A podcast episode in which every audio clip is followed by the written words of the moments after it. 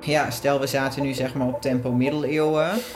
Ja, dan was Kwam daar... je best lekker mee. Nou ja, inderdaad, daar zullen ook echt genoeg autisten te vinden zijn geweest. Er zullen er ook best wel wat op een brandstapel of zo beland zijn. Hoor. Begrijp me niet verkeerd. Wat dat betreft wil ik er absoluut niet naar terug. Nee. Hallo lieve luisteraar. Leuk dat je luistert naar Praten over Depressie seizoen 2. Iedereen kan een depressie krijgen. Maar bepaalde mensen zijn extra kwetsbaar. Ik wil weten waarom dat is. En in dit seizoen ga ik op zoek naar wat mensen kwetsbaar maakt voor depressie. Elke aflevering spreek ik daarvoor met een specialist en een ervaringsdeskundige uit één van de risicogroepen. Nog één disclaimer. Ik praat met individuen over groepen. Niet iedereen uit een risicogroep is depressief of ongelukkig. Gelukkig niet. Daarbij is elke depressie anders. Er zijn zoveel soorten depressie als dat er mensen depressief zijn. Mijn gasten representeren dus niet in hun eentje een hele groep, maar vertellen hun persoonlijke verhaal. In deze aflevering depressie bij mensen op het autistisch spectrum. Dit is een aflevering met een plotwist. Ik wilde in deze aflevering doorpraten over depressie in de LHBTIQA gemeenschap. En daarom maakte ik een afspraak met nog een ervaringsdeskundige uit deze groep. Iemand met een heel ander verhaal dan Chris van de vorige aflevering. Um, ik ben Leslie, 28 jaar en ik woon in Deventer. Ik werk nu, denk ik, een jaar of drie, drieënhalf bij de bibliotheek. Leslie is op diens dertiende uit de kast gekomen als lesbisch en heeft zich vervolgens een aantal jaar als trans man geïdentificeerd. Nu identificeert Leslie zich als non-binair of queer. Maar ik weet het eigenlijk niet zo goed. Ik schat het maar gewoon dat ik Leslie ben. Uh, en ik gebruik uh, hen en of die voornaamwoorden. In ieder geval neutraal. Het interview was bedoeld om te praten over diens ervaringen met depressie en LHBTIQ-plusser zijn. Stond het in verband voor jouw gevoel met depressieve gevoelens? Nee, ik denk het niet. Want mijn, mijn lesbische coming-out is eigenlijk heel fijn en soepel verlopen. Ik denk misschien ook omdat ik er nooit een punt van heb gemaakt. Dat ik ook niet heb gemerkt dat andere mensen daar een heel groot punt van hebben gemaakt. Dus in dat opzicht prijs ik mezelf ook wel echt gelukkig. Dit interview liep dus voor mij een beetje anders dan verwacht. En daarvoor neem ik je eerst even mee naar het einde van ons gesprek. Um, ik wil het interview afronden. Mm -hmm. We hebben echt superveel uh, besproken, dus dat was heel ja, fijn. Wat vond wel, jij? Ja, heel goed. Wel zeg maar meer over uiteindelijk mijn autisme dan over mijn genderidentiteit misschien. Maar die twee zijn voor mijzelf ook echt wel enorm verweven met elkaar. Ja. Dus dat, ik had al wel een beetje verwacht dat het die kant op zou kunnen gaan misschien. Ja. Maar ik denk ook omdat mijn genderidentiteit zeg maar pas op het laatst het hoekje om is Voor gekeken. jou ook? Ja, juist zeg maar toen mijn depressies en dergelijke beter werden. Um, toen pas kwam mijn genderidentiteit. Dus ik heb er daardoor misschien ook gewoon veel beter mee om kunnen gaan altijd. Na het interview merkten we beiden op dat we veel meer over Leslie's autisme hadden gesproken dan over diens gender en geaardheid. En dat zette me aan het denken. Is autisme en depressie, gaat dat ook vaker samen? Weet jij dat? Ja, ik denk elke, elke psychische diagnose en, en depressie wel, ja. Ja, ik ga het even nazoeken hoe, ja. wat, wat, de cijfers zijn, maar dat klinkt mij ook logisch in Ja, de ik denk het wel hoor. Ik ben het gaan nazoeken en het blijkt dat ongeveer de helft van de mensen op het autistisch spectrum in hun leven te maken krijgt met depressie. De helft. Dus een enorme risicogroep die ik eerst totaal over het hoofd had gezien. Ik besloot daarom deze aflevering maar eens contact te zoeken met een autisme-specialist. En in dit geval letterlijk de autisme-specialist. Nou, ik ben Carmen Lisman, ik ben klinisch psycholoog. En ik ben uh, degene die de autisme-specialist heeft opgezet met nog een aantal andere mensen. Wat is de autisme-specialist? De autisme-specialist is een SGGZ-instelling, dus een specialistische GGZ-instelling, yeah. die vooral als doel heeft om mensen die binnen het autisme-spectrum uh, vallen te helpen aan uh, nou ja, kwalitatief goed leven en uh, goede diagnostiek te doen, precisiediagnostiek. Mm -hmm. um, en uitleg te geven als er, mocht er autisme zijn, dus psycho-educatie te geven. Ja. Ik sprak af met ervaringsdeskundige Leslie Vos in Deventer, waar hen samenwoont met diens vrouw Sonja. En soms helpt zij Leslie even uit de brand. Wanneer um, kwam je daarachter? Dat ik autist ben? Ja. Um, Son, weet jij dat nog? Vier, vijf jaar terug? Een diagnose kreeg? Ja, ik denk dat ik 223 was. Ja, dat klopt ook wel met de tijdlijn van mijn opleiding en dergelijke. In deze aflevering gaat het dus vooral over depressie bij autisme. Maar toch ook over LHBTIQ zijn. En hoe die drie dingen zich tot elkaar verhouden. Een aflevering waarin voor mij heel veel verrassingen zaten en steeds nieuwe vragen opkwamen. Zelfs zoveel dat ik op het einde van deze aflevering nog extra specialistische hulp inschakel. Veel luisterplezier. Wat ik vaak hoor over autisme. En ik wil eigenlijk die vraag niet stellen, maar ik merk dat ik hem ook wel heb diep van binnen. Is dat je toch denkt, oh, er worden zoveel mensen gediagnosticeerd met autisme. Is het, hè, is er, wanneer is er sprake van overdiagnostisering? Ja, ja. Ehm, dat is een terechte vraag. Dus je hebt een aantal criteria waar je aan moet voldoen. En daar voldoe je niet aan als je geen autisme hebt. Maar dan kom je nog steeds bij een van de criteria: is er sprake van lijdensdruk? En als daar het hmm. antwoord is op nee, ja, dan is het geen autisme. Dan mag je dat niet stellen. Oh ja. En lijdensdruk, hoe, hoe kan dat zich allemaal uiten? Vastlopen op een manier in het leven of ehm, eh, verschillende malen burn-out van werk of uh, relaties niet vast kunnen houden of wel vast kunnen houden, maar telkens tegen dezelfde dingen aan kunnen lo of lopen. Um, nou ja, kan van alles zijn eigenlijk. Op sociaal vlak meer vrienden willen hebben dan dat je hebt, of wel contacten kunnen aangaan, maar moeite hebben met het onderhouden van contacten. Hmm. Dat soort dingen. Ja. En daar dan ook vervolgens last van hebben. Want je kan daar moeite mee hebben, maar geen last hebben. En je kan er moeite mee hebben en heel veel last ervan hebben. Ja, en je zegt dus eigenlijk, als je daar geen last van hebt, dan krijg je de diagnose niet. Ja, ja ik. Uh, ja, ik moet eerlijk zeggen dat ik in de praktijk dan eigenlijk wel overleg van, ja, je voldoet aan alle criteria. En hm. jouw partner geeft aan dat hij of zij merkt dat het troosten bijvoorbeeld, dat dat lastig is voor je. Of dat dat je net niet aansluit bij wat die ander nodig heeft. Of ehm, ja, wat zullen we nou doen? Want je voldoet aan al die criteria. Het werkt bij jou op een manier zoals het werkt bij autisme. Maar je hebt zelf geen last, geef je aan. En ook niet in het verleden. En vaak zeggen de mensen zelf dan van ja, maar als ik helemaal daaraan voldoe, dan wil ik wel die diagnose. Want dat hoort dan mhm. bij mij en dat herken ik wel. Oh ja. Dus zo is het ook wel een beetje. En hoe ga je daar dan mee om? Ja, dan, wat ik dan doe is het netjes in het verslag verwerken. Dus uh, opschrijven, um, cliënt voldoet aan alle criteria, daar en hmm. daar en daarom. En dan per, oh, er wordt een kat wakker, je hoort een, hmm. en dan per criterium uitleggen waarom iemand daaraan voldoet. En dan in de eindconclusie, maar leidersdruk is beperkt, daar en daar en daarom, partner heeft oh, wel last. En dan besloten wordt om toch de diagnose te stellen of niet de diagnose te stellen. Dus dat je het beschrijft. Hmm. Want wat, wat ik altijd vind is, um, je kan het sowieso altijd, iedereen, je kan het mis hebben, een diagnose. Er werd eerst een hele tijd gedacht, want op mijn negentiende ongeveer begon bij mij zeg maar alle, uh, alle sores. Um, toen werd er eerst gedacht dat ik ADD zou hebben. Yeah. Uh, maar ja, al die handvaten die werkten sowieso niet. En dat was bij de schoolpsycholoog. En die zei ook al van, nou, je bent te... Um, uh, te zwaar eigenlijk voor de schoolpsycholoog. Dus gaan je doorsturen naar een. Ik ben nou, ik weet, ik, vergeet altijd welke nou de eerste en de tweede lijns is. Um, maar in ieder geval naar een van de lijnspsychologen. Ja. en um, uh, daar gingen ze eerst zeg maar nog verder op het ADD-stuk.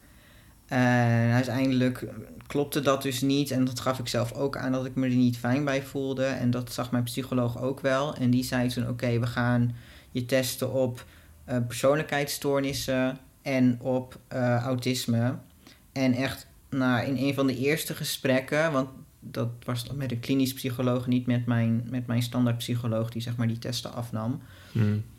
Uh, die zei toen al van, nou ja, ik ga niet verder testen op autisme, want je bent te sociaal. En oh. ja, dus dat is toen al meteen afgevallen. En toen heb ik op een gegeven moment um, persoonlijkheidsstoornis NAO, niet anders omschrijfbaar, gekregen. Met trekken van een ontwijkende persoonlijkheid.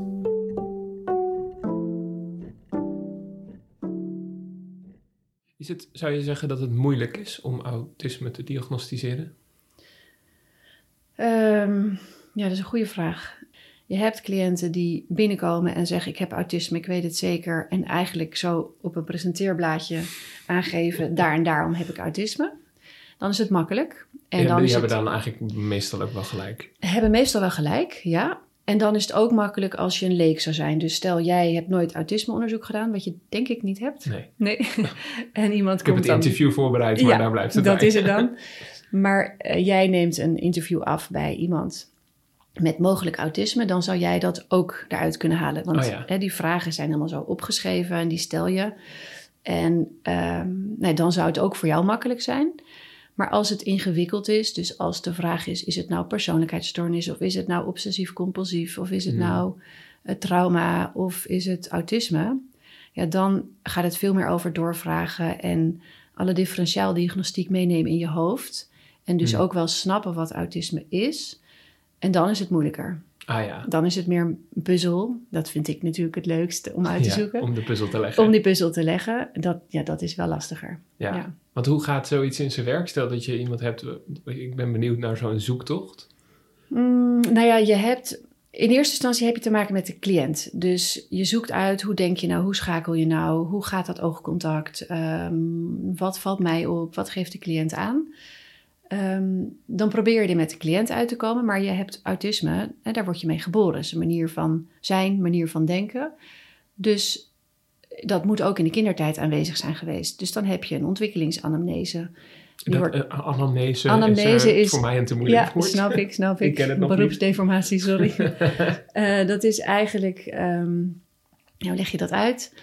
Een, vra- een aantal vragen aan ouders van hoe was dat nou vroeger toen, toen je zoon of dochter klein was? Dus Oh ja. hoe verliep toen het contact? Was hij eh, een jong professortje in zijn taal of was die juist, eh, nou ja, praatte die nog niet toen hij zes was? Ja. Was die motorisch heel handig of een beetje klunzig? Allemaal van dat soort vragen. Hoe was dat toen iemand jong was? Hm. En dat moet dan kloppen. Het is natuurlijk fijn als het precies klopt, maar dat moet dan kloppen met wat cliënt aangeeft en wat je nu merkt in het contact. Ja. Ehm, en dan heb je ook nog een hetero-anamnese, want je kan natuurlijk iemand tegenover je hebben die zegt: nee, Ik ben heel goed in troosten, dat komt aangewaaid, dat voel ik aan. Mhm. En Want eh, hetero-anamnese is dat dus is eigenlijk dat je... een partner die dan over jou oké. vertelt van Dus wat an- ervaar ik in het contact. hebben we Ja. gehad. Ja. Dat is, dan kijk je eigenlijk naar je kindertijd. En Ja. hetero-anamnese, dan nodig je een partner of een naaste uit. Ontwikkeling gaat over hè, dat, hoe je ontwikkeling is verlopen en dat vraag je dan aan iemand anders. Ehm, maar een hetero-anamnese is inderdaad wat je uitvraagt bij een partner van Ja. je partner zegt zus of zo, hoe beleef jij dat nou? Oh ja, en is dat wel eens, eh, ligt dat wel eens ver uit elkaar? Ja. Oh, Ja. vaker. Zie ik aan je. Ehm, meestal eh, is het zo dat als je partner bent, dat de een wel weet van de ander dat hij het anders beleeft. Dus je- Mm. dan komt er niet iets nieuws op tafel. Maar ik heb ook wel eens meegemaakt dat een cliënt zegt: Daar ben ik heel goed in. Eh, ik voel alles aan. En dat partner dan aangeeft. eh, nou, ik denk daar wat anders over, want op Ah, die, ja. die punten sla je soms de plank mis of heb ik wel iets anders nodig dan wat je mij biedt. Dat Ja. soort, dat hoor je ook zeker. En toen verhuisde ik op een gegeven moment van Ede-Wageningen, waar ik mijn opleiding had, naar Deventer om te gaan samenwonen. En toen moest ik ook weer verwisselen van psycholoog. Eh, en dat was echt op de periode dat ik het slechtst zat ook. Want toen moest ik ook net stoppen met school. En Hmm. Ehm, dat werd één grote katalysator van alleen maar dingen die wegvielen. En Ja. ehm, toen heb, heb ik gelukkig wel ook echt een tweede diagnose gekregen. Daar stonden ze godzijdank open voor. Want ik, heb, Mhm. ik hoor wel eens dat dat is ook gewoon niet gebeurt bij mensen. Hmm. En ik zou eigenlijk een soort van op papier gezien een twijfelgeval zijn. Vooral ook omdat er vanuit mijn jeugd vrij weinig aanwijzingen te vinden waren. Maar de psycholoog die mij destijds diagnosticeerde, die kon daardoor heen prikken. Dus die heeft mij gelukkig de diagnose wel gewoon gegeven. En dat is ook de goede diagnose geweest. Want vanaf daar heb ik zeg maar ook goed op kunnen krabbelen. Omdat ik Ah, dus ja. wel de juiste Ja. tools en, en, en dingen kreeg. En ik, toen ik eenmaal wist van, oh, hier komt vandaan, toen heb ik ook psycho-educatie gekregen. Mhm. Zo zit autisme in elkaar en zo kan het zich wel of niet uiten. Toen had ik ook zoiets van, oh, en toen vielen er ook een behoorlijk wat stukken op zijn plek. Ja. Ja. Verschilt eh, de behandeling van depressie van eh, bij eh, mensen zonder autisme van die van met mensen met autisme? Ja, goede vraag. Uh, ja, deels ja. Um, daar waar in de richtlijnen depressie staat, dat activeren uh, onder de mensen. Um, uiteindelijk volgt het gevoel dan vanzelf, dat wat daar geadviseerd wordt. Dat is bij autisme heel vaak ook weer niet helpend. Dus als je een, ik zeg altijd maar even, al een overvolle emmer hebt met wat er allemaal in zit. En daar zit in sociale contacten, werk, uh, hobby's, maakt niet uit wat. En die emmer is overvol. En je raakt, doordat die emmer overvol is, eigenlijk overprikkeld. En daardoor denk je jezelf klem en raak je somber. Dan is het niet zo wijs om nog veel meer in die emmer erbij te proppen. Mm -hmm. Dus activeren onder de mensen, extra sociale contacten. Ja, maar dat zou je bij, bij iemand met een depressie normaal dat gesproken doen, ja. zeggen. Blijf ja. zorgen dat je naar buiten gaat, dat je onder de mensen bent. Ja. ja, en dat is dan too much. Dan, dan raakt iemand nog meer overprikkeld, waardoor hij zich totaal klem kan denken. En uiteindelijk ook nog gedachten heeft als... jeetje, zelfs behandeling kan ik al niet. Wat voor loser ben ik dan? Oh ja. He, terwijl het is niet zo dat ze dan behandeling niet kunnen... maar de behandeling is niet passend bij wat nodig is voor die cliënt. Ja. En wat, wat mensen met autisme vaak vanuit zichzelf goed doen... is uh, terugtrekken. Hmm. En het hoeft niet de hele tijd voor altijd... maar voor Ja. dat moment, als die emmer overvol is... is het wel wijs om eventjes te zorgen... dat die niet nog weer meer gevuld Ja. wordt. En doe je eigenlijk iets wezenlijk kwaads, nou kwaads, maar hè, je laat mensen, terwijl ze al overprikkeld zijn, extra hun best doen om sociale contacten te ondernemen of andere activiteiten, terwijl het eigenlijk op dat moment niet past. En later wel misschien, maar op dat moment niet. Want wanneer had je het idee dat je voor het eerst bij jezelf depressieve klachten begon te, op te merken? Ik denk pas toen ik op het MBO door een docent uit de kantine geplukt werd, omdat ik al een paar uur eh, zeg maar overstuur in de kantine zat. Het is echt iemand van buitenaf geweest die heeft moeten zeggen: ja, dit kan echt niet meer zo. Maar wat, wat eh, hoe, oversturen in de kantine, waar moet ik dan aan Ja, denken? ik weet niet meer precies wat er was gebeurd, maar er was iets voorgevallen. Ik geloof thuis, maar ik, ik kan me echt niet meer herinneren wat. Waardoor ik heel vroeg naar school ben gegaan. Terwijl ik echt pas om 11 of 12 uur les had. En ik had destijds echt al zeg maar mijn vaste plek in de kantine. Waar ik altijd ook mijn schoolwerk deed. Want ik deed het altijd op school. Want als ik het thuis kwam ik er niet aan toe. Dan, dan Mhm. ja, intrinsieke motivatie is een dingetje bij mij die niet aanwezig is. Dus Ja. ik, ik moest zeg maar echt in de situatie op school zitten. En die docenten die hadden echt wel door dat ik daar niet zat om huiswerk te maken. En, en het was ook wel vrij duidelijk, denk ik, dat ik mijn emoties niet in check had. Ja, Ik denk dat ze me al wel langer op de radar hadden toen. Dat Mm. ik, ik, ik begon veel last te krijgen van faalangst en dergelijke. Ehm, dus toen heeft mijn... Nee, een andere docent die heeft mij zeg maar zo geplukt. En mijn ehm, mentor, die had toen geloof ik even geen les. Dus die heeft mij gewoon zo bij mijn mentor op het kantoor gezet. En hier succes ermee, ga je Ja. mee praten. ja. ik heb net les niet gevonden. en toen, toen had ik wel zoiets van ook van ja, oké, dit is gewoon echt niet normaal meer. En, want daarvoor, als het zeg maar te dichtbij kwam, dan rende ik er gewoon van weg. Mhm. Ehm, dus zeg maar niet opgemaakte afleidingen en dat, of eh, niet afgemaakte opleidingen en dat soort dingen. Want dan, dan moest ik te veel bij mijn gevoel en dan was het gewoon ja, oké, dikke doei. ja, oh gevoel, dag. ja, nee, echt 100% dat. Maar daar gaven ze mij zeg maar op die MBO niet de kans voor. Nee. En daar ben ik achteraf gezien echt super dankbaar voor. Ja. Ik kan me voorstellen dat dat ook vaak dan... dat de periode van diagnose van autisme vaak ook samengaat met de periode waarin iemand in een depressie zit. Ja, ja klopt. En dan is het natuurlijk belangrijk om te differentiëren wat is wat. Hè, ja, dat je niet precies. Is dat verkeerd moeilijk uit elkaar te trekken soms? Ehm, eh, nou, niet alle criteria gaan daarover. Dus wat ik altijd probeer uit te leggen, eh, want deze vraag krijg ik natuurlijk ook wel vaak van mensen zelf. Maar hoe weet je nou of het mijn depressie is of dat het autisme is? Je voldoet niet aan al die zeven criteria als het alleen een depressie is. Hmm. Hè? En ehm, hoe, hoe iemand denkt of schakelt, staat los van een depressie.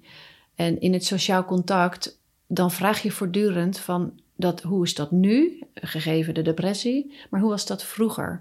Dus je kijkt voortdurend naar de periode voor de depressie. En Hmm. daar heb je natuurlijk ook die ontwikkelingsanamnese waar we het over hadden. Ja, wat, wat ouders invullen heb je daarvoor. En dan krijg je een beschrijving van hoe iemand was als kind. En als dat klopt met wat je in het heden ook aan antwoorden krijgt en ziet, ja, en iemand voldoet aan al die criteria, dan is het dus autisme naast een depressie. Maar als dat in de kindertijd helemaal niet aan de orde was en ehm, de, de angst bijvoorbeeld voor sociale gesprekken uit angst om afgewezen te worden, of nou ja, kan van alles zijn, Mhm. is alleen nu in het heden. Ja, dan moet je dus kijken, hoe kan ik het dan snappen? Hebben we Ja. dan te maken met een sociale angststoornis, met een depressie? Hebben Ja. we te maken met trauma? Dus je kijkt eigenlijk hoe iemand over zijn hele leven is, was en functioneert. ja. Dat is eigenlijk het belangrijkste.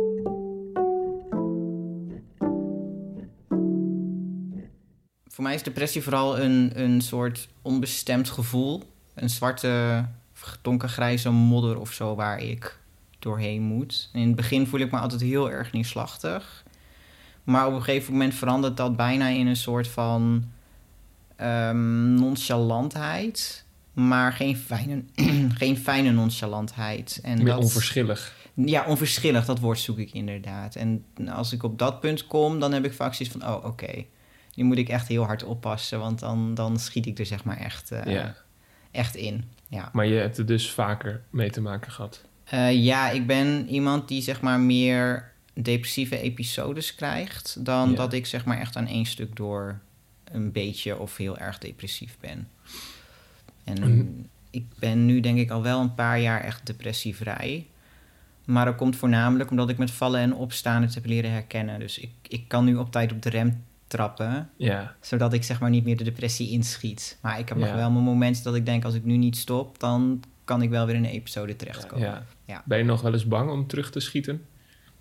Ehm, nee, want de laatste tijd, de laatste keer dat het me gebeurde, ehm, heb ik hem gewoon kunnen ondergaan. Zonder dat het heel donker of heel eng of wat dan ook. Het, is, het werd bijna een soort van vertrouwdheid van oké, ik ben benieuwd hoe lang deze gaat duren. En Echt? Ehm, daar ben ik toen ook vrij snel weer uitgekomen. Misschien ook juist doordat ik die houding heb kunnen aannemen. Ja, dat klinkt een beetje... eh, Hello darkness, my old friend. Nou, Gewoon, ja, op hallo. een gegeven moment werd het dat wel, ja. Want het werd echt een soort van patroon van ik overvroeg mezelf. Ja, En toen belandde, dan belandde ik weer in een dip en dan moest ik weer rustig aandoen. En dan klom ik weer omhoog en dan ging ik mezelf toch weer overvragen. En die periode van overvragen, die is gewoon, die duurt nu ste- gewoon steeds langer. Omdat ik mijn grenzen beter ken. ah ja.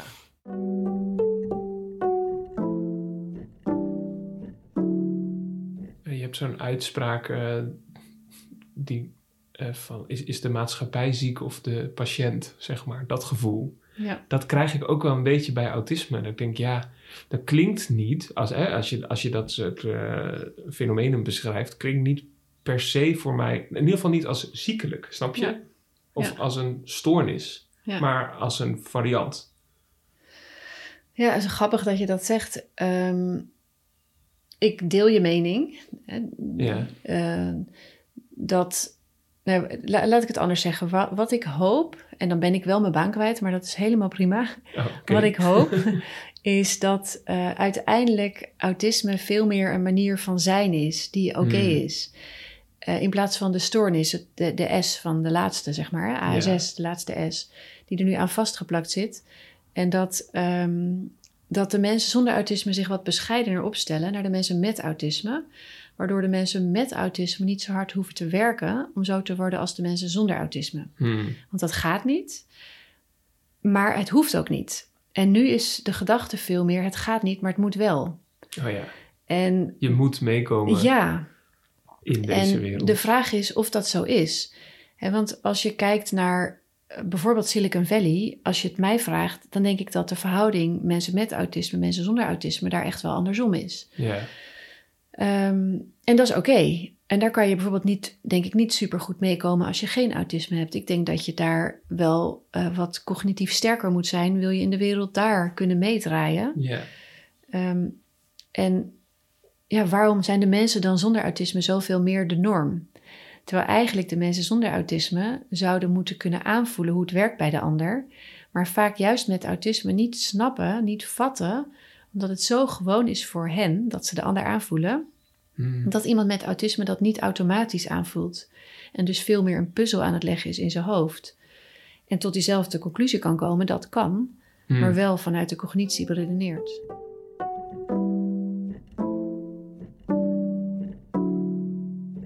Ja, nou, in, in hoe de maatschappij zeg maar nu tegenwoordig is ingedeeld, ga ik niet, niet zeg maar mee kunnen eh, Hmm. kabbelen met de rest. Ja. Waar een gemiddeld mens zeg maar gewoon op looptempo door het leven komt, zou ik moeten, keihard moeten rennen om dat bij te houden, bij wijze van. Met alle drukte en, en eh, werkdruk en maatschappelijke druk en Hmm. alles wat er tegenwoordig verwacht wordt van je. En ja, daar kan mijn hoofd gewoon niet in mee. Nee.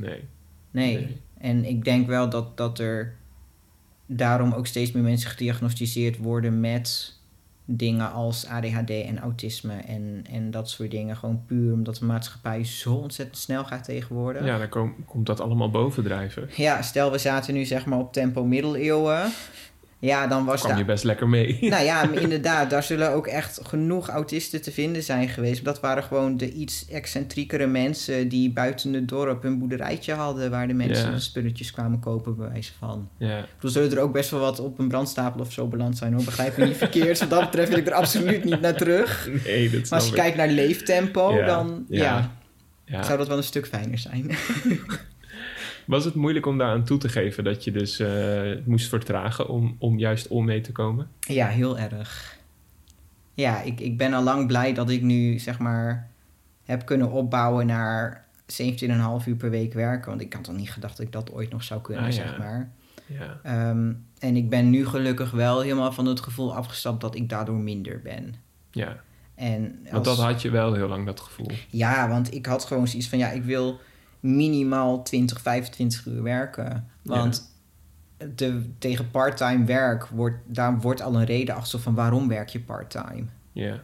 En ehm, als iemand gewoon parttime werkt, dat hij parttime wil werken, dan denken mensen dat diegene lui is, bij wijze van. Ja.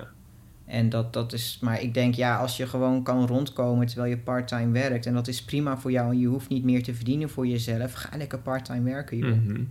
Ja. Ja, ja, dat denk ik ook. Ja. Maar, ja. dus dat, dat, dat vond ik wel echt, echt heel erg lastig. En Mm. ook het feit van, ga ik een betaalde baan kunnen krijgen of niet? Want daar wordt ook enorm op neergekeken. Mensen die Waarop vanuit- wordt dan neergekeken? Nou ja, mensen die vanuit bijvoorbeeld een waaijong aan het werk gaan... of die ehm, eh, eh, een uitkering hebben of, of dingen in die, die richting. Dat, op de een of andere manier, het, het, het maatschappelijke beeld daarvan... is gewoon dat die mensen niet hard genoeg werken... of, of eh, profiteren van de Mhm. mensen die wel werken... en van Ja. hun belastingcenten en dat Ja. soort dingen. En daar heb ik wel een, zeg maar, een klein poosje mee geworsteld... Maar vrij, gelukkig vrij snel naast me neer kunnen leggen. Ja. Ja. ja, je hebt vast geen antwoord op de vraag hoe je dat naast je hebt neergelegd. ja, ik bedoel, dat klinkt eh, als de beste oplossing, maar ik denk, hoe doe je dat? Ja, ik denk ook weer een kwestie van goede mensen om me heen Hmm. hebben. En ik moet zeggen dat ik ook wel echt heel erg veel geluk heb met, met mijn eh, werkgever nu, met de bibliotheek. Ja, Eh, want nou ja, de bibliotheek heeft tegenwoordig al een supermaatschappelijke functie. En ehm, ik werk in, in het team logistiek en daar zitten allemaal mensen met een rugzakje. Juist ook omdat de bibliotheek intern ook die maatschappelijke functie waar ze mee bezig zijn eh, belangrijk vindt. ja, Ehm, dus dan kom je al snel in een groepje van mensen die in, in hetzelfde schuitje zitten, bij Mm. wijze van. ja. En dat zijn echt de leukste collega's die ik heb. Sorry voor alle andere collega's. maar rugzakcollega's vind ik Mm. echt de meest gezellige collega's. ja.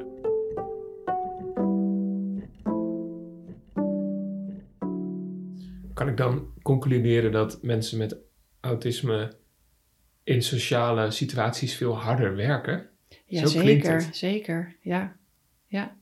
Ja, zullen we even dus stel, jij hebt autisme, stel ik heb Ja. geen autisme doen. Ja, Wij zijn samen in de kroeg. ja, Dan ben ik, ehm, ja, ja, dat woordje hersenloos weer, maar op een andere manier lukt het me niet zo goed om duidelijk te maken. Maar dan ben ik hersenloos aan het kletsen met iedereen die we nog meer meegenomen hebben. En ik klets wat raak met die en met wel die. En ik ben eigenlijk bezig met soort van lijntjes aan het trekken van... Hey, gaan wij nog lekker? Ja, was lachen. En gaan wij nog goed? Ja, wij gaan ook Ja. nog lekker. Dus ik, ik haal energie uit eh eventjes die contactjes met die mensen. Ja. Ook heus zinnige dingen te zeggen, heus wel. Maar eigenlijk ben je vooral contact aan het maken. Ehm, dat gaat hersenloos, kost geen energie. Jij, als je autisme hebt, bent op diezelfde manier, je ziet soms niks aan de buitenkant, bent op diezelfde manier in gesprek met mensen, maar bent veel harder aan het werk. Oh jee, wat is nu het volgende wat ik ga zeggen? Ehm, oh wacht, Carmen is met mijn broer in gesprek, of met mijn vriendin of met me wie dan ook. Eh, en die kijkt zo en zo, hoe moet ik dat interpreteren? Ja. Oh, wacht, mijn gesprekspartner, die reageert zo en zo. Eh, doe ik dat wel adequaat? Hoe moet ik dat begrijpen? Mm. Dus er, is, er wordt hard gewerkt eigenlijk in het hoofd over het onderwerp zelf waar je het over hebt. Maar ook wat gebeurt er in de omgeving en ook wat gebeurt er in interactie Ja. met mijn gesprekspartner. Ja. Dus jij gaat naar huis, je komt thuis en je bent kapot moe. Ik ga naar Dan huis. moet ik alles verwerken. Ja, ik ga naar huis. Ik ben moe omdat het twee uur s'nachts is waarschijnlijk. Ik ben het niet Ja. meer gewend. Maar ik ga slapen en ik denk, wat een leuke avond. Ik word wakker en denk, nou, was lachen. Ja. was een leuke avond. Maar jij wordt wakker de volgende ochtend en denkt, je hoofd gaat heel hard aan de gang. Ja. Heb ik dat goed geïnterpreteerd? Hoe kan ik dat anders doen? Wat heb ik daarop gezegd eigenlijk? Heb ik dat wel adequaat gedaan? Had ik dat nog iets beter kunnen doen? Eh, hoe heb ik zus of zo geïnterpreteerd? Dus dat hoofd, dat, dat is niet rustig en stil. Dat, dat gaat door. Mm. Dat is nog die hele avond aan het herkauwen. Ja. Een soort van ja, uitdenken, maar ook om het in de toekomst beter te doen. Ja.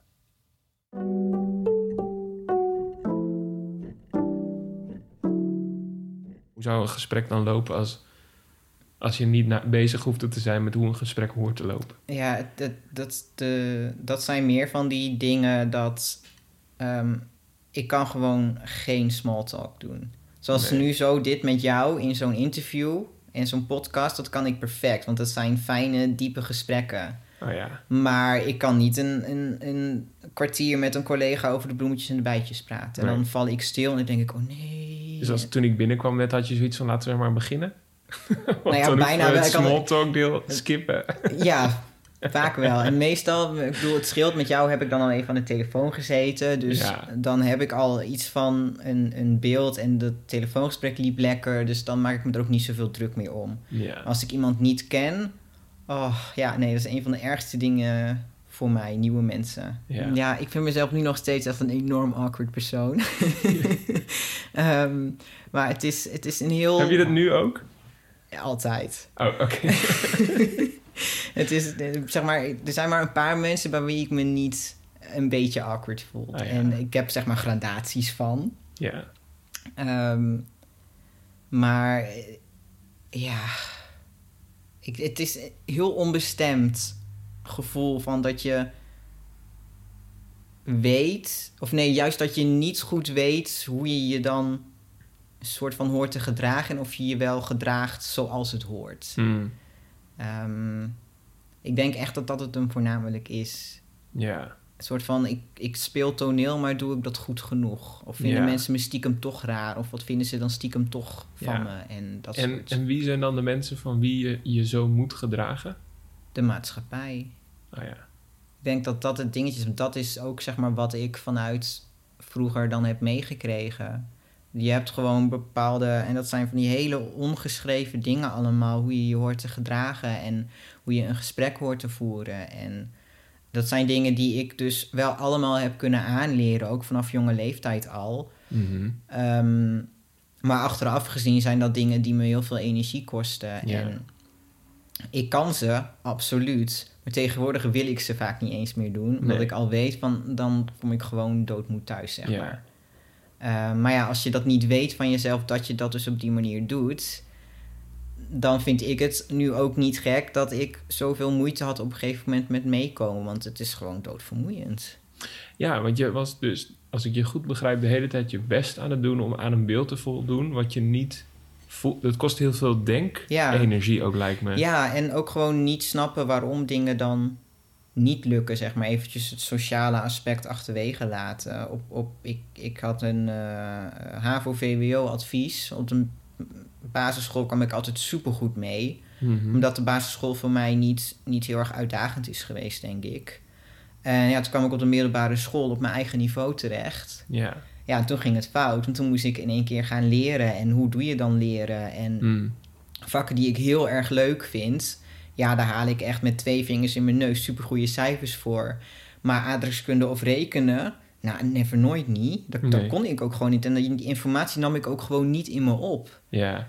omdat ik mijn interesse er niet in had, zeg Ja. maar. En dan heb ik zoiets van, had ik zoiets van, joh, waar, waar komt dit door? En ik wil dit ook gewoon kunnen. En dan zit je uren naar zo'n boek te staren, maar het Ja. komt gewoon niet binnen. Ja. Maar dat, dat, dat zijn dus echt van die dingen. En daardoor gaan mensen dus ook denken dat je, het gewoon, dat je er gewoon geen zin in hebt. Dat je het vak niet leuk vindt. Want voor al die andere vakken krijg je wel hoge cijfers. Ja. Oh ja, dus je doet gewoon niet goed genoeg je best voor rekenen en Ja, dat soort dingen. En dat ga je dan zelf ook wel geloven. Ja, ik zal wel gewoon niet mijn best doen of zo. Mm. Ik denk dat, ik denk dat, dat, ik, dat heel veel mensen dat hebben als ze over autisme lezen of spreken of horen. eh, dat je het langs jezelf gaat leggen. Dus dat Ja. je ook meteen gaat checken van, oh, dat herken ik ook wel. Ja. Want als jij nu zegt, ik bedoel, mijn partner zegt ook wel eens, Dat doe je Je- niet oké. je- lief dat je me probeert te troosten, maar dit is niet wat ik nodig heb. ja. Dus dan snap je de. Ik kan me voorstellen dat omdat autisme een spectrumstoornis is, Ja. dat, dat, dat ook heel veel mensen zich er misschien onterecht in herkennen of heel snel in herkennen. Ja, nou ja, je, je zegt wat terecht. Kijk, het kan natuurlijk dat jij één, één stukje hebt waarvan je denkt, eh, daar herken ik me in. Maar dat is nog niet hetzelfde als dat er sprake is van autisme. Nee. Dan moet je aan, aan vijf van de zeven criteria moet je voldoen. En, en heel vaak is het ook wel zeven van de zeven waar iemand aan voldoet. Eh, en dat is niet dus één klein stukje. Als jij wat minder goed bent in troosten, ja, ellendig voor je vriendin. Maar weet je, dat is nog wat anders dan dat je aan het werk bent in sociaal contact. En Ja. ehm, bezig bent met hoe verloopt zo'n koetjes- en kalfjesgesprek nou, dat soort dingen. Ja, en vaak heb je ook gewoon geen enkel idee dat het niet normaal is of dat dat is hoe het werkt. Om, Ja. om een voorbeeld te noemen, eh, ik weet niet of je het kent, eh, executieve dysfunctie of executive dysfunction in het Mhm. Engels, hoe ik hem Mhm. ken.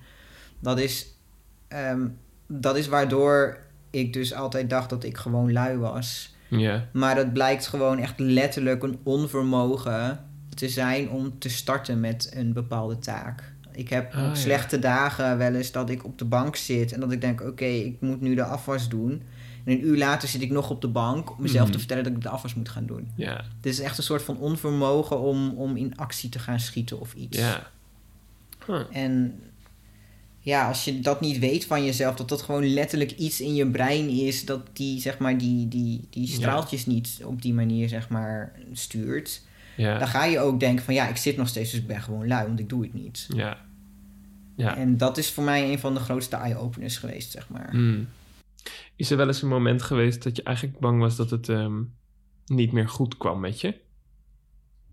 Weet ik niet. Eh, Op de momenten dat ik heel, heel zeg maar, echt heel, heel diep en, en depressief zat, ehm, daar heb ik eigenlijk vrij weinig herinneringen van. En, en om even terug te komen op je vraag. Vanaf Ja. het moment dat ik me zeg maar wel echt meer zeg maar gevoel en zo. En dat het allemaal wat duidelijker wordt kan herinneren, is denk ik middelbare school. En dan 13, 14 ongeveer, like tweede, derde klas. En dat het, het overgrote deel daarvan is zeg maar al wel eh, verwarring of geen fijne gevoelens of, of echt zeg maar een rustig gevoel of blijheidgevoel of zo. Dat, dat, dat ken ik pas sinds de laatste paar jaar, denk ik. Maar ik wist ook niet heel veel anders, dus ik dacht dat dat was hoe iedereen zich voelde in de puberteit. En dat dat gewoon normaal was. En nu achteraf gezien denk ik van ja, nee, dat was niet helemaal normaal, eh. Maar kun je de situatie eens beschrijven? Hoe, die- Ehm, hoe, hoe dat toen was? Het is, het is vooral een, een hoe ouder ik werd en hoe meer druk er op mij kwam te liggen qua schoolresultaten en wat mensen verwachten van me. En hoe meer zelfstandig ik moest worden, hoe lastiger het voor mij was om me door het leven te begeven. Dat zal bij kinderen die, die verder geen diagnoses of dergelijke hebben een, een stuk makkelijker zijn. Maar ik als nou ja, mini-autistje, wat zeg maar over het hoofd is gezien, kreeg pas last van alles toen ik uh, ook echt dingen moest gaan doen in mijn eentje. Mhm. En dat kan ermee te maken hebben dat ik zeg maar ook als meisje ben opgevoed. En ik geen, geen, geen signalen van klassiek autisme en dergelijke uh, heb vertoond en nog steeds niet vertoon. Um, ik was gewoon een, een, een, een stil, intelligent meisje. En ja, ja dat, dat, daar kijken mensen wel overheen, denk ik, ja. Eigenlijk de vrouwen met subtiel autisme dat zijn, is de categorie die vooral komt met ik wil het weten, ik wil het snappen. Want dat ontslaat mij een beetje van hard werken in sociaal contact. Um, ik wil niet heel erg stereotyp gaan denken, maar als je hebt even over de wat ouderwetse mannen met autisme, dus het hele ouderwetse Rainman-autisme, uh, wat volgens mij niet bestaat, maar al het, al het ellendige van autisme in één iemand gestopt. Ja, van de film. Van de film, ja, Rainman, ja. Uh, dat zijn meer de mensen die moeite hebben met plannen en organiseren. Um, graag wel ondersteuning nodig hebben op het gebied van uh, post of huishoudelijke ja. taken of koken. Jeetje, hoe werkt dat nou? Al die gaspitten naast elkaar is ook best wel heel ja. veel plannen. Um, maar als je dat wel die executieve functies dan pakt, dan merken we wel vaak jonge jongens bijvoorbeeld die heel slim zijn en allemaal hartstikke goed alles konden tot dusver, maar dan vastlopen op een scriptie omdat net zo'n scriptie ja, wanneer is het goed genoeg? Wanneer is het af? Ja. Wat verlangt die ander van mij? Wat me opvalt aan je antwoord is dat je, je maakt een onderscheid tussen milde uh, en wat extremere autisme. En uh, tussen neus en lippen door maak je daarbij ook een onderscheid tussen autisme bij vrouwen en bij mannen. Ja, ja, de, eigenlijk is dat niet heel eerlijk, want van, van oudsher werd het vaker en meer herkend en gezien bij mannen. Ja, als je ook kijkt naar vragenlijsten, dan wordt er veel meer op de mannendingen wordt er getoetst of gecheckt. Namelijk, oh, ja. uh, onthoud je nummerborden. Nou ja, er zijn ook heus vrouwen, of heb je iets met nummerborden? Er zijn ook heus vrouwen die daar iets mee hebben, maar de meeste dames die ik ontmoet hebben er helemaal niks mee. Oh ja. En ja, dan kan er toch autisme zijn, maar dat is dus nu waar er veel meer aandacht voor is.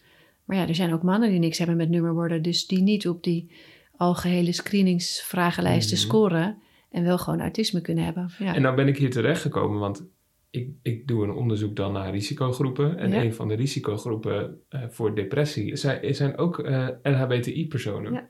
En ik heb een persoon geïnterviewd die hen identificeert als non-binair. Komt, ja. ja, wat is mijn vraag hier eigenlijk over? Komt dat vaker voor, ook bij autisme misschien? Um, ja, is dat zo? Er zijn artikelen die daar wat over zeggen. Ook hier in cijfers moet ik je mm-hmm. schuldig blijven, weet ik niet. Um, wat ik vaak merk, maar dat is los van transpersonen natuurlijk, mm-hmm. is dat mensen met autisme überhaupt best wel moeite kunnen hebben met wie en wat ben ik, wat hoort bij mij, wat vind ik fijn, maar ook dus waar val ik op. Ja, dus vragen van gender en geaardheid. Ja, die komen heel veel vaak voor. sterker bij mensen met autisme, ja, zeg je. Ja, dat is wel wat, wat wij merken, ja, zeker. Um, en dat gaat dus over geaardheid, maar dat gaat ook over uh, wat, wat vind ik leuk. Dus keuzes maken. Wat hoort bij mij? Wie en wat ben ik gewoon als persoon? Mm-hmm. Als ik je goed begrijp, zeg je voor, voor iemand met autisme, die gaat dat proberen in kaart te brengen. Dus, ja, toch? veel meer. Eigenlijk ja. Uh, ja. bijna schematisch ja, zo kan het. dingen tegen elkaar afwegen. Ja. ja. Dus dan, dan worden vragen over, over je gender en geaardheid ook veel complexer van, ja. zeg je dus ja. eigenlijk. Ja, Hier, dit, dit is niet mijn expertisegebied trouwens Nee. hoor. Nee. Er, ik heb laatst dus die seminar gezien, uh, maar ik ben alleen de naam van diegene kwijt die daar onderzoek naar doet. Maar die kan het heel mooi uitleggen wat dan Hmm. de overlap is tussen uh, mensen met autisme en uh, LHBTI. Hm. En, Heb je die naam? Dat schrijf ik even op. Misschien ja. kan diegene wel bellen of zo. Oh nee, je wist je niet meer, zei je. Nee, maar ik kan er wel achter komen. Ja, als je het wil, zou willen laten ja, weten. ga ik wel laten weten. Goedemorgen met Anna van de VU. Hey, hi. Ik bel op aanraden van Carmen met Anna van der Miesen. Uh, fijn dat je even tijd hebt. Ja, zeker. Dank voor de uitnodiging. Anna werkt als artsassistent in de kinderpsychiatrie bij het kennis- en zorgcentrum van genderdysforie bij de VU in Amsterdam. Ze begeleidt jongeren met autisme bij vragen over genderdiversiteit en eventuele geslachtsaanpassende handelingen. En daarbij legt ze momenteel de laatste hand aan haar proefschrift over dit onderwerp.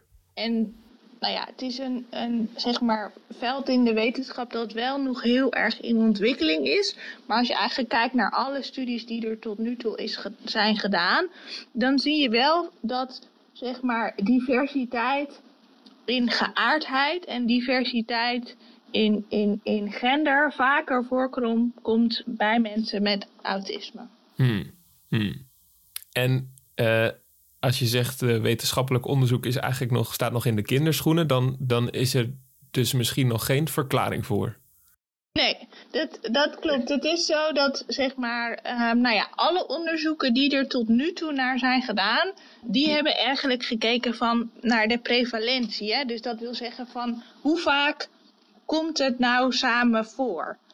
Het is altijd, ik ben een beetje van de cijfers, hè, maar uh, dus, dus wat, wat, wat je ziet naar studies die hebben gekeken naar hoe vaak komt een autisme diagnose voor bij, bij transgender kinderen en adolescenten. Als je dan alle literatuur een beetje samenvat, dan worden eigenlijk cijfers gevonden tussen de 8 en de 20 procent van de kinderen en adolescenten met genderdysforie die een autisme-diagnose hebben. Ah ja, en dat, ligt dus, dat is dan hoger dan de gemiddelde bevolking. Ja, ja zo kijk je dat inderdaad. Dus hey, we, nou ja, we, we weten of we denken, um, daar is er ook wel wat debat over, hè, maar dat autisme ongeveer voorkomt bij 1 op de 100 tot 1 op de 60 mensen. Hè? Dus hmm. zeg maar rond de 1 procent. Nou ja, als je dan kijkt naar die 8 tot 20 procent van de mensen die hier komt die een autisme-diagnose hebben, ja, dan zien we dat wel vaker. Ja, en dat autisme bij mannen en bij vrouwen, dat daar een onderscheid in wordt gemaakt, waar, waar is dat op gebaseerd? Dat is ook best wel onderzoek wat ook nog in de kinderschoenen staat. En dat, dat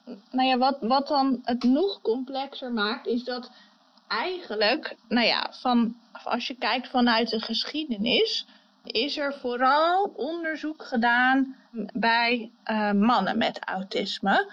En, en zeg maar de laatste jaren is er nou ja, wat meer aandacht voor onderzoek bij vrouwen met autisme. Maar dat zijn dan vooral onderzoeken die gebaseerd zijn op cisgender personen. Dus er is wel de afgelopen jaren nou ja, iets meer onderscheid uh, gekomen tussen zeg maar seksenverschillen, noem ik het dan uh, maar even, bij cisgender personen. Maar hoe, hoe dat dan is, zeg maar, bij mensen die genderdivers zijn. Hè? Dus bijvoorbeeld bij iemand die is geboren in een jongenslichaam, maar zich dan identificeert als meisje. Daar weten we eigenlijk helemaal niks van. Ja, maar heb je een hypothese of dat ook niet? Ja, nou ja, wat ik, wat ik zelf wel veel hoor met, van de jongeren met, met uh, wie ik werk. En je krijgt natuurlijk van, van jongs af aan um, ja, krijg je vanuit de maatschappij toch een best wel stereotype invloed van gendernormen. Hè? Van, nou, dit is echt voor jongens um, en dit is echt voor meisjes. Eigenlijk van baby, krijg je, vanaf baby zeg maar, krijg je al heel veel input over nou ja, wat de gendernormen zijn die we allemaal in de maatschappij hebben. En wat ik hoor wel van de mensen met autisme is dat die hem misschien wat minder gevoelig zijn voor die gendernormen en daardoor eigenlijk nou ja, eerder zichzelf zijn. Dus eigenlijk nou ja, wat, wat eerder authentiek kunnen zijn, doordat ze mogelijk minder gevoelig zijn door, van, nou ja, door de input van de gendernormen in de maatschappij. En dat is ook wel iets wat ik nou ja, Um, en van de jongeren terughoor van ja, ik was er nooit zo mee bezig hè, met dat is alleen voor jongens en dat is alleen voor meisjes. Maar ja, ik, ik deed gewoon wat, wat, wat goed bij me voelde. Ja.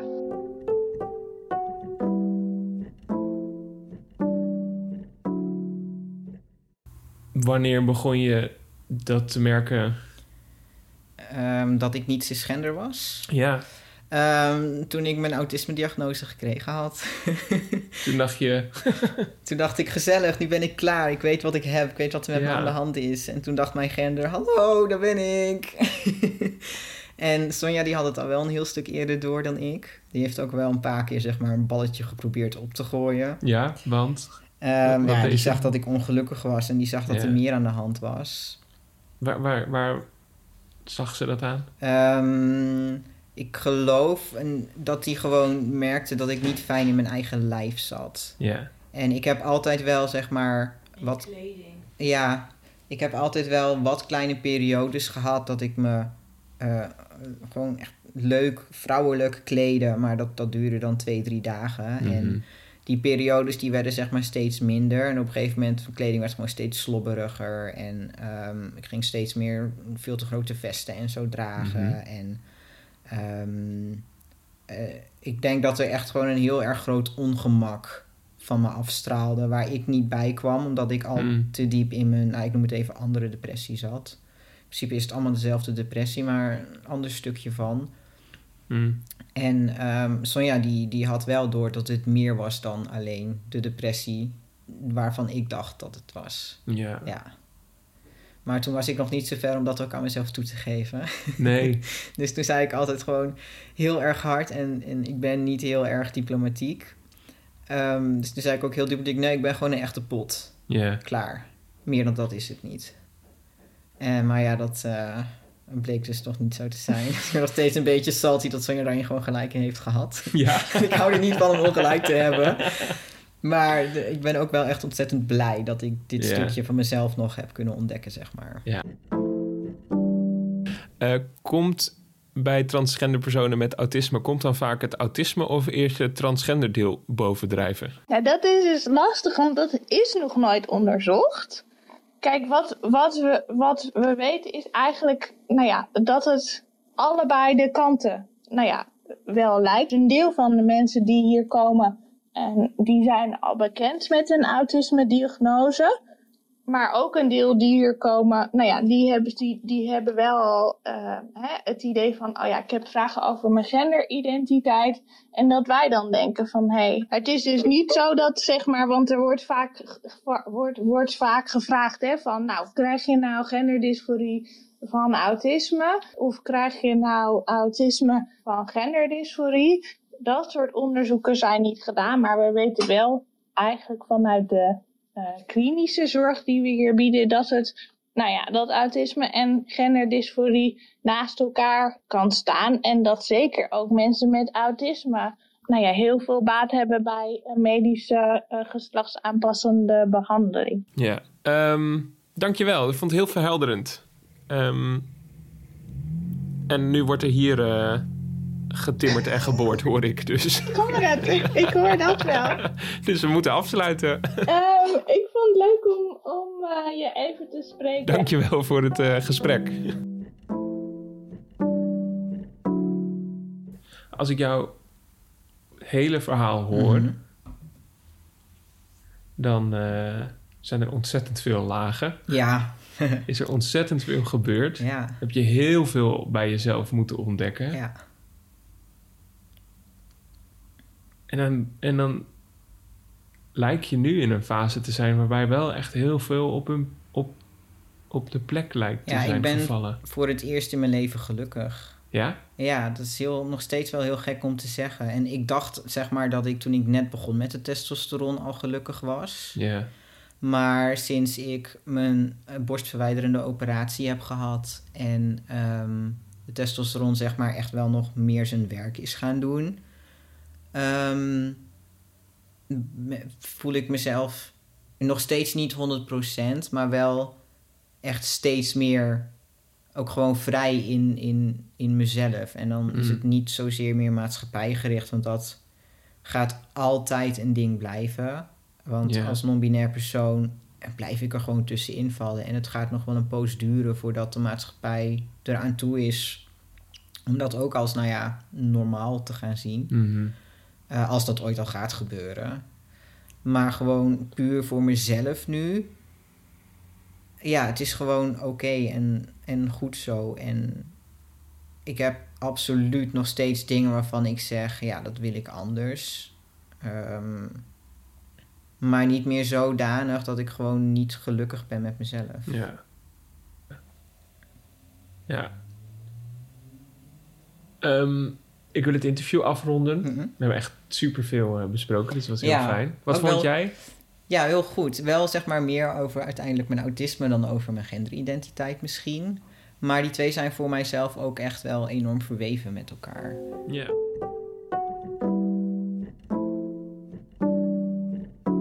Wat kan je, wat kan, wat, ehm, wat kan ik bijvoorbeeld bewust doen als ik daar meer aan tegemoet wil komen? Aan mensen op het autistisch spectrum.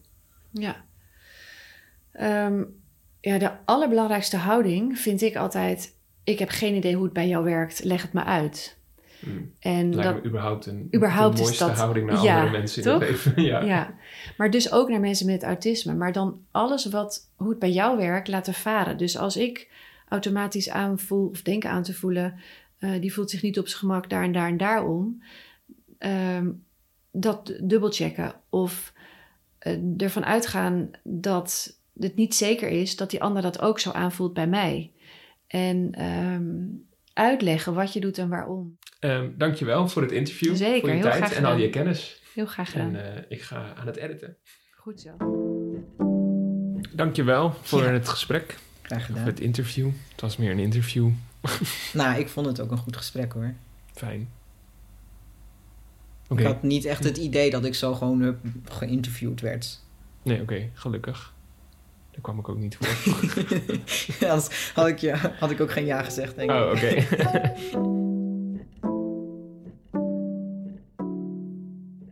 Het maken van deze aflevering voelde als een behoorlijke puzzel.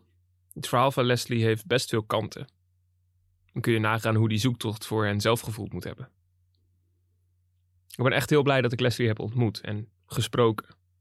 In ons gesprek merkte ik maar weer eens dat zo'n cliché of uitgekoude zelfhulpboeken uitspraak als jezelf zijn ook heel gelaagd en betekenisvol kan zijn. En wat een ingewikkelde zoektocht dat is. Gewoon om te moeten ontdekken wie je bent en hoe je dat doet. Jezelf zijn in een wereld waarin iedereen weer iets anders van je lijkt te verwachten.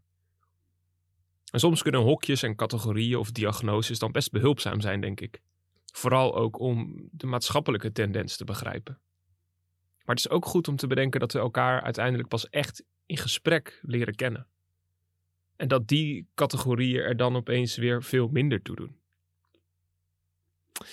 Wil jij meer leren over autisme en hoe diagnose in zijn werk gaat? Luister dan ook nog eens naar het volledige en onbewerkte interview met Carmen Lisman van de autisme specialist. Bedankt voor het luisteren en tot de volgende keer. Deze podcast wordt betaald door jullie, mijn luisteraars. Wil jij ook een bijdrage doen? Ga naar www.gofundme.com slash praten over depressie. En doneer een bedrag dat jij kan missen.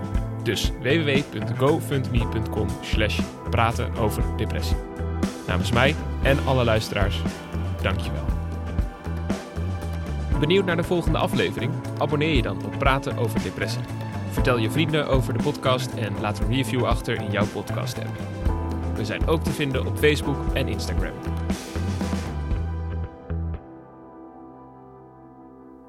Denk jij aan zelfmoord of ben je bezorgd op iemand? Bel 113 of ga naar 113.nl.